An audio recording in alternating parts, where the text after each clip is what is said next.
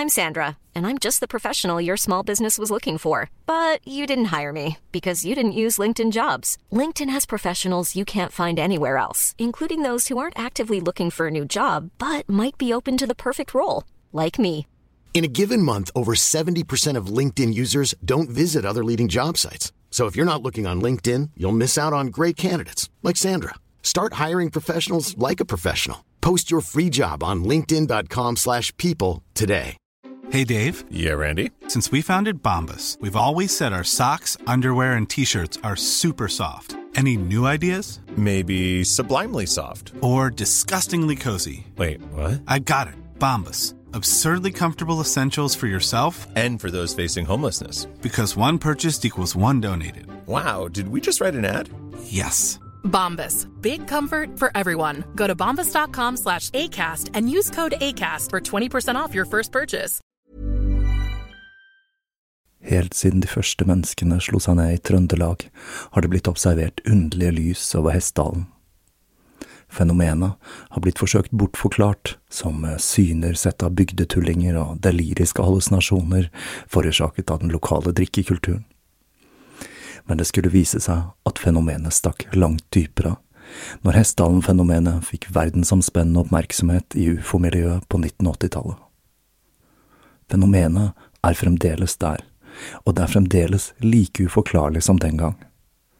I 2024 kommer en podkastserie i seks deler produsert av Project Hessdalen, som kanskje en gang for alle skal finne svar på hva som rører seg på himmelen i denne bortgjemte dalen i Trøndelag.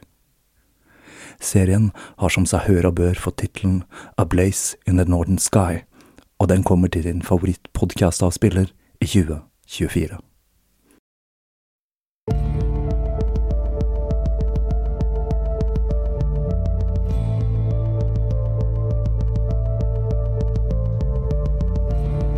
Slagets torden hadde stilnet. Seiersrop blandet seg med skrikene til de døende. De døde lå spredd som gråfargede løv etter en høststorm. Den synkende solen glitret i polerte hjelmer, forgylte brynjer, sølvinnlagte rustninger, knekte sverd og i foldene til silkebanere krøllet i dammer av dyp rødfarge. I tause hauger lå stridshester og deres stålkledde ryttere. Hestenes maner og pynt dynket i den røde flodbølge. Rundt og iblant dem, som drivved etter en storm, lå det strødd opprevne og nedtråkkede kropper i stålhjelmer og lærrustninger, bueskyttere og lansebærere. Hei, du hører på Tåkeprat. Jeg heter Even, og det stykket der var de første setningene fra The Scarlet Citadel av Robert E. Howard, fritt oversatt av meg selv. I denne episoden skal jeg snakke litt om en, en av mine i hvert fall absolutte favorittforfattere, Robert Irvin Howard. Han ble født 22.1 i 1906 i en tidligere kvegby, Peaster i Texas. Han var sønn av doktor Isaac Mordecai Howard og Hester Jane Howard. De møttes i Palo Pinter County og giftet seg 24.1.1904. Howard ble oppkalt etter hans farfar Robert Irvin. Etter å ha flyttet rundt en liten periode, bosatte familien seg i Cross Plains, Texas, hvor Howard skulle bli boende resten av sitt liv. Siden faren var lege og ikke drev gårdsdrift, sånn som var vanlig i Cross Plains, så hadde Howard mye fritid som ung. Det var en tid han brukte på jakt, ridning, fiske og friluftsliv. Howard begynte på skolen som åtteåring, men han var svært opptatt av å lese og sto for mye av sin egen utdanning. Det er noe som kommer tydelig fram i hans senere verker. Da Howard var ung, hadde han en skrantende helse, antageligvis pga. revmatisk feber, og en dag han hadde blitt mobbet på skolen, skal han ha sagt til sin far Far, da jeg var på skolen, måtte jeg stå imot så mye. Jeg var alene, og det var ingen som forsvarte meg. Jeg skal trene meg sterk, så hvis noen prøver seg, så kan jeg rive han i stykker, slå han ned og brekke ryggen hans med bare nevene. Det er sterke ord fra en åtteåring. Etter den episoden begynte Howard med idrett, og deriblant boksing, og det var noe han kom til å skrive historier om siden. Han fullførte high school i 1923, men han hadde ikke råd til å begynne på college. Han begynte derfor på handelshøyskole og studerte stenografi, maskinskriving, regnskap og kommersiell juss. Fysisk blir Howard beskrevet som eh, kraftig og bredskuldret, nesten to meter høy, men han hadde et veldig barnslig og rundt ansikt og en mild og forsiktig stemme. Han skrev sin første historie som ni-tiåring om vikingen Bolf, B-O-A-L-F. Og han prøvde å starte karrieren sin da han var 15 år, da han sendte en historie til bladet Adventure, men den ble refusert. Første gang han ble publisert, det var når han gikk på high school, hvor uh, diktet The Sea ble publisert i lokalavisen. Men den første betalte historien hans uh, fikk han ikke publisert før han var 18 år, og det var historien Spear and Fang, som ble kjøpt opp av det legendariske magasinet Weird Tales for 16 dollar. Weird Tales også kjent som The Unique Magazine, er kanskje verdens mest kjente pulp-magasin.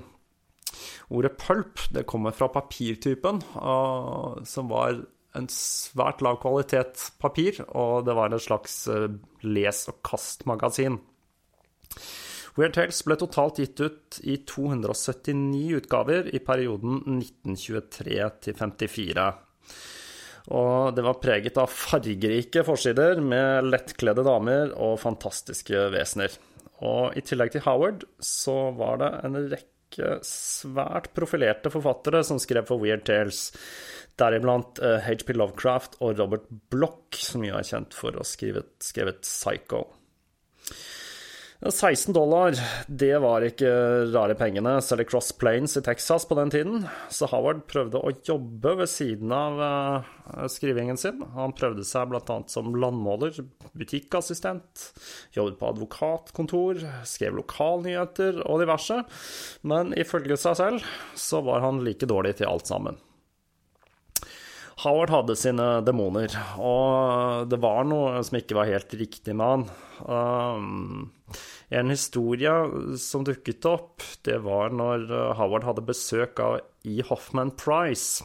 Det var en av disse forfatterne som, uh, som skrev for uh, Weird Tales, vel.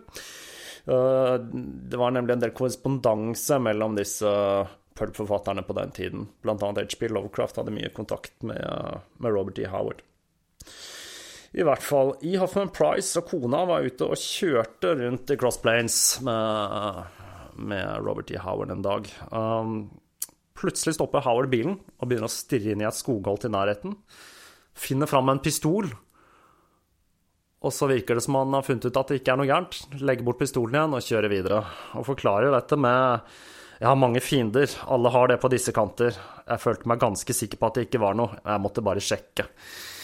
Og senere forteller han til uh, Novelyn Price, altså kona, kona hans, at uh, alle som ikke er din venn, er din fiende. Han var i det hele tatt uh, ganske paranoid. Da Howard begynte å skrive for Weird Tales, hadde akkurat Farnsworth Bright overtatt etter grunnleggeren Edwin F. Baird. Og om skriving sier Howard å leve av å skrive er ingen spøk men en vanlig jobb er heller ikke noen lek.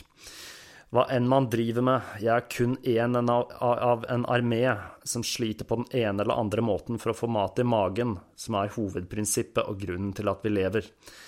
Noen kan finne livet for tøft og velger å skyte seg selv, men det er bare en del av spillet som er livet. Og videre. Litteratur er en jobb for meg, en jobb hvor jeg kan tjene gode penger mens den store depresjonen herjer markedene. Mitt eneste mål med å skrive er å tjene til livets opphold. Jeg har kanskje mange illusjoner, men jeg lider ikke av den illusjon at jeg har noe fantastisk eller magisk å fortelle verden, eller at det vil utgjøre noen forskjell om jeg hadde det. Jeg har ingen uoverensstemmelse med kunstnere som gjør kunst for kunstens skyld. Tvert imot, jeg beundrer deres verk, men mitt talent leder meg i andre retninger. Over de neste tre årene så skjøt karrieren hans fart og han kunne begynne å leve av forfatterskapet sitt. Uh, han skrev for en rekke pulp-magasiner i tillegg til Weird Tales, og han uh, skrev om et helt enormt spekter av sjangere. Som westernhistorier, sportshistorier, da hovedsakelig boksing, historiske dramaer, detektivhistorier, skrekk og mer. Og han skapte en rekke karakterer vi forbinder med han i dag, som uh, Kong Kull, Solomon Kane, Francis Xavier Gordon, også kjent som El Borak, Steve Costigan, og ikke aller min, ikke minst hans mest kjente figur, Konan. Konan foregår i den hyborianske tidsalder, og Howard skrev et essay som forklarer historien til den verden Konan lever i, som er eh, ganske omfattende og beskriver eh, en verden rett etter Atlantis sank i havet. Det må da ifølge Steiner være den første etteratlantiske periode. Han beskriver hvordan kontinentene forandrer seg, og hvordan de forskjellige folkene, altså hvordan de forskjellige folkevandringene foregår. Og ifølge Howard så ble Konan født på slagmarken i et slag mellom stammene hans og en bande med vanirmenn, som var en annen stamme. Som alle Howards karakterer så er Konan større enn livet selv. Og mm, det er et gjennomgangstema som er i Howard sine tekster, dette lengselen etter det barbariske. På den tiden så var det vel gjengs tankegang at man hadde de anglosaksiske kristne som skulle ut og sivilisere den barbariske verden. Um, men undertonene i Howard sine bøker er jo beundringen for det barbariske. Konan er jo en barbar som uh, kommer i møte da med den siviliserte verden. Og det, det gjelder for så vidt uh, både Solomon Kane og Francis Xavier Gordon og El Borak-historiene. Så er dette et gjennomgangstema. Uh, Robert, Howard, Robert T. Howard skrev ikke Konan i kronologisk rekkefølge. Og den første historien som ble publisert i desember 1932, 'Phoenix and the Sword', den foregår mot slutten av Konans liv, da han var konge i Aquilona. Og Howard sa selv at 'jeg kan ikke noe for det'. Det føles ikke ut som jeg skaper historiene, men at jeg gjenforteller det slik de blir fortalt til meg. Og det er grunnen til at jeg hopper så mye fram og tilbake.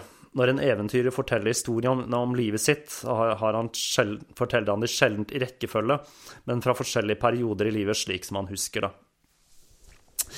Og her uh, går han litt imot det han sa tidligere, at han bare skriver for å tjene penger. Uh, strekker seg langt og hinter om at det kanskje kan være noe overnaturlig som ligger bak denne Konan-karakteren. Han sier selv om jeg ikke vil gå så langt som å tro at historien er inspirert av faktiske ånder eller krefter, selv om jeg nekter å se bort ifra den muligheten, har jeg noen ganger lurt på om det er mulig at ukjente krefter fra fortiden eller nåtiden eller til og med fremtiden, kan lede tankene og handlingene til mennesker. Dette slo meg da jeg begynte å skrive om Konan. Jeg vil ikke forsøke å forklare dette på en esoterisk eller okkult måte, men jeg kan ikke se bort ifra at jeg skriver om Konan på en måte som er langt mer levende og kraftfull enn noen av mine andre karakterer. Men det vil komme en tid da jeg vil miste denne kontakten. Det har skjedd med nesten alle de andre karakterene jeg har skrevet om. Plutselig er det som om jeg har mistet konseptene, som om mannen selv har stått ved min side og vist meg veien, for så å gå sin vei og overlate meg til et søken etter nye karakterer. I perioden 1932 til 35 skrev Robert E. Howard 21 historier om konaen, og historiene varierte fra 3500 til 75 000 ord i lengde. Forsidene til Weird Tales eh, var nok et stort bidrag til populariteten til magasinet, Um, og i den perioden Robert E. Howard skrev for magasinet, var det illustratøren Margaret Brundage som sto for de fleste forsidene. Det var eh, lettkledde damer og undertoner av sadomasochisme og bondage i friske farger. Um, hun tegnet motivene med kritt på lerret, og originalverkene var så sprø og skjøre at Wright uttalte at han var redd for å nyse i nærheten av bildene, av frykt for at bildene skulle bli til en sky av støv. Illustrasjonene til Brundage var en kilde til mye kontrovers. Eh, ikke bare pga. lettkledde damer, men det var mye diskusjon rundt framstillingen av. Eh, Marie Brundage er for øvrig en spennende figur i seg selv. Eh, hun var halvt irsk og halvt svensk, og en datter av Christian Scientists. Foreldrene hennes var Christian Scientists. Og hun levde da av å lage spektakulære fantasy-illustrasjoner fantasy i 30-åra som dame, og det er veldig spesielt. Det er sikkert en interessant historie, livet hennes. Hun døde da i 1976 som relativt fattig. Og hun var aktiv hele livet som illustratør. I 1935 skjedde det noe som skulle forandre livet til Robert E. Howard for alltid. Moren hans hester måtte nemlig opereres, og den operasjonen tok sånn på at hun måtte være på sykehuset en måned etter operasjonen for å komme til hektene igjen. Men hun ble aldri den samme igjen, og etter dette så var hun fram og tilbake til forskjellige sykehus og sanatoriumer. Sykehusopphold og medisinsk behandling av hester gikk også hardt utover økonomien til familien, og Howard kontaktet Weird Tales for å få utbetalt 800 dollar han hadde utestående. Weird Tales var også kjent for å være det magasinet som betalte forfatterne sine dårligst. Men det var også det mest populære magasinet i den tiden. Moren Selsa ble stadig dårligere, og hun får tuberkulose. Samtidig tar karrieren til Howard av. Han blir publisert i eh, en rekke magasiner, som Action Stories, Argosy, Dime Sports, Spicy Adventures, uh, Thrilling Adventures, Thrilling Mystery, Top Notch og Western Aces, i tillegg til da Weird Tales. Men i denne perioden så begynner Howard å synke inn i en dyp depresjon og begynner for første gang å, å snakke om å ta sitt eget liv. Hver gang moren blir dårligere, så blir humøret til Howard dårligere, og når hun blir bedre, så muntrer han seg opp. Så øh, han følger bokstavelig talt humøret Humøret hans følger helsen til moren, bokstavelig talt. Han, han blir, sies også at han nærmest følger moren sin som en skygge da i denne perioden. Veldig opptatt av mora si. I lokalsamfunnet ble han sett på som en raring. Uh, og det inntrykket ble forsterket da han uh, bestemmer seg for å få seg en hvalrossbart. Så han uh, får seg hvalrossbart og begynner å gå med en meksikansk sombrero av den typen som har sånne små kuler hengende rundt på bremmen, med en kinnstropp og et rødt tørkle i halsen. Så han var en skikkelig, skikkelig raring i Cross Plains, da. Moren hans blir bare sykere og sykere, og Howard besøker henne nå daglig på sykehuset i Sant Angelo. Den siste Konan-historien blir publisert i 1936, eh, og det var Red Nails. Price, uh, forfatteren, uttaler siden at eh, Howard var som foreldre for sine foreldre i denne perioden. Og i juni 1936 faller moren i en koma som hun aldri vil våkne opp fra igjen. I, da får Howard uh, nok. Han uh, kjører av gårde i sin 1935-modell Chevrolet Sedan.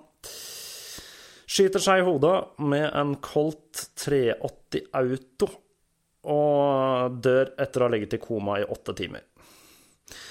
Moren hans dør uh, påfølgende kveld, og han etterlater seg et selvmordsbrev med to linjer fra Viola Garvins dikt The House of Caesar. All fled, all done, so lift me on the pyre, the feast is over, and the lamps expire.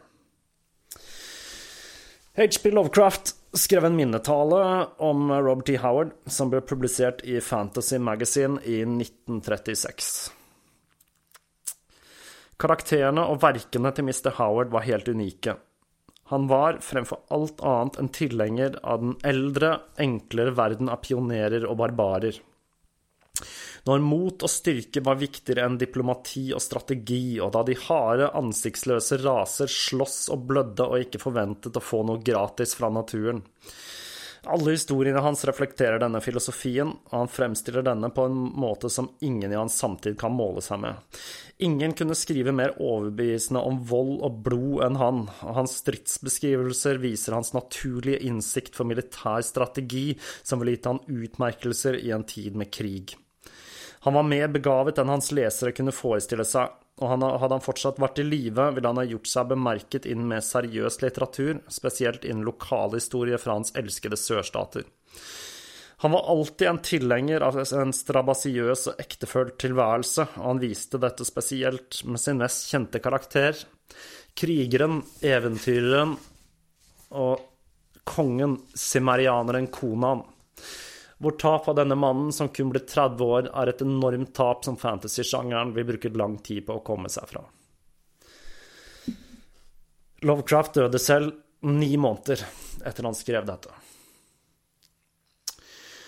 E. Hoffman Price holdt kontakt med Howards far frem til han døde 12.11.1944. Han døde med diabetes og grå stær i begge øyne. Men konaen var ikke død. Etter Howards død dukket opp en rekke upubliserte manuskripter som ble trykket i diverse magasiner. Han hadde også en rekke påbegynte historier og fragmenter av historier, og disse ble plukket opp av eh, andre forfattere, bl.a. Eh, Sproche de Camp og Lynn Carter, eh, og ble fullført av de. Og i perioden 1950 til 57 publiserte Gnome Press syv innbundne utgaver av, av bøker med Konan-historie, som inkluderte de oppdaterte utgavene som var omskrevet av De Camp. Hans litteratur fikk en renessanse på 60- og 70-tallet. Um, da Lancer Books begynte å publisere Konan-historier, uh, det var de omskrevne versjonene av De Camp. Uh, det ble da gitt ut tolv paperback-utgaver med coverillustrasjoner av Frank Frasetta. Og Frank Frasettas kunst er vel det vi forbinder med uh, Robert E. Howards verden. veldig, veldig kjente illustrasjoner. Totalt solgte disse bøkene mer enn en million utgaver, noe som gjør uh, Robert D. Howard til verdens mestselgende fantasyforfatter, uh, kun etter Tolkien. På 70-tallet dukket også Marvel sin Conan uh, the Barbarian opp, og mange av historiene i disse seriene er basert på de originale historiene. Disse tegneseriene gikk vel sin seiersgang her til lands på 80- og 90-tallet. Howards univers har blitt filmatisert en rekke ganger. Den mest kjente filmen er jo selvfølgelig John Milius og Oliver Stones versjon av Conan, Conan the Barbarian, fra 1982.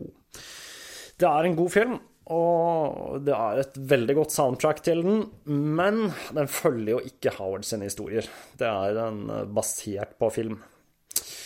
Oppfølgeren, Conan the Destroyer, som kom to år etterpå, hadde en langt lavere budsjett, ble filmet i Mexico, og den eh, holder ikke mål i dag, det kan jeg si. Den er litt artig, men eh, bare veldig preg av å være en B-film.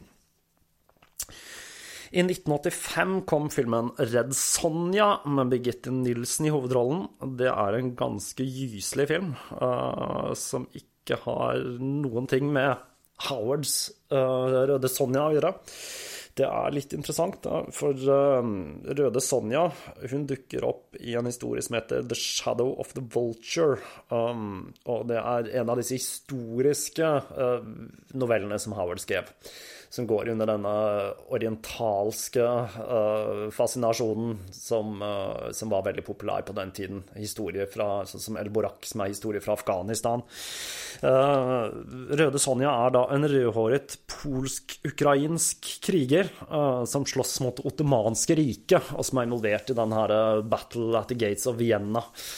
Og, og de greiene der. Så hun, dette er da det 16. århundre. Og ikke i den hyborianske tidsalder.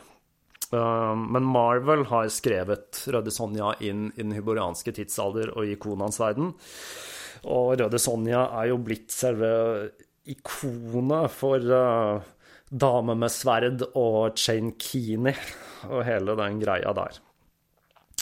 Men det, mangler egentlig ikke på altså, sterke kvinneskikkelser. I, uh, i Howard sine verk så har de jo både Belit og leiesoldaten Valeria, som er i hans faktisk originale verker, og i, uh, i den hyborianske tidsalderen. I 2009 kom en Solomon Kane-film. Den var ganske bra, men igjen så følger han jo ikke historiene til Howard. Jeg kan ikke fatte og begripe hvorfor de ikke kan lage en film som faktisk er basert på historiene, når historiene er så bra som de faktisk er. At de er nødt til å sause i hop noen Hollywood-greier som ikke lever opp til Howards originalverket i det hele tatt. Um, og i 2011 så kom endelig den nye Konan-filmen. Og den var jo helt middelmådig, og igjen ikke basert på Howards uh, originalverker. Uh, jeg, jeg, blir helt sprø av det. De må da klare å lage en én film som faktisk er basert på historiene hans, altså, når de er såpass bra. Og når det gjelder Howards uh, skriverier, så er de helt unike. De har ingen tunge litterære kvaliteter i det hele tatt. Snarere imot jeg sier at uh, språket hans er veldig svulstig, og det flagrer med glorete metaforer. Men det er noe levende med Howards uh, måte å skrive på. Det er som om figurene hans får eget liv og formelig klorer seg ut av sidene i bøkene hans. Og jeg tror vi fremdeles har behov uh, for uh, figurene til Howard, disse større enn livet enorme karakterer og lengselen etter barbariet. Eh, når vi sitter her i en verden hvor vi har, eh, nå har vi 70 kjønnspronomer, safe spaces, og det er ikke måte på, så er det herlig å bare slippe all logikk og leve seg inn i Howards fantastiske univers. Og fram til neste gang så er det bare å si ha det bra.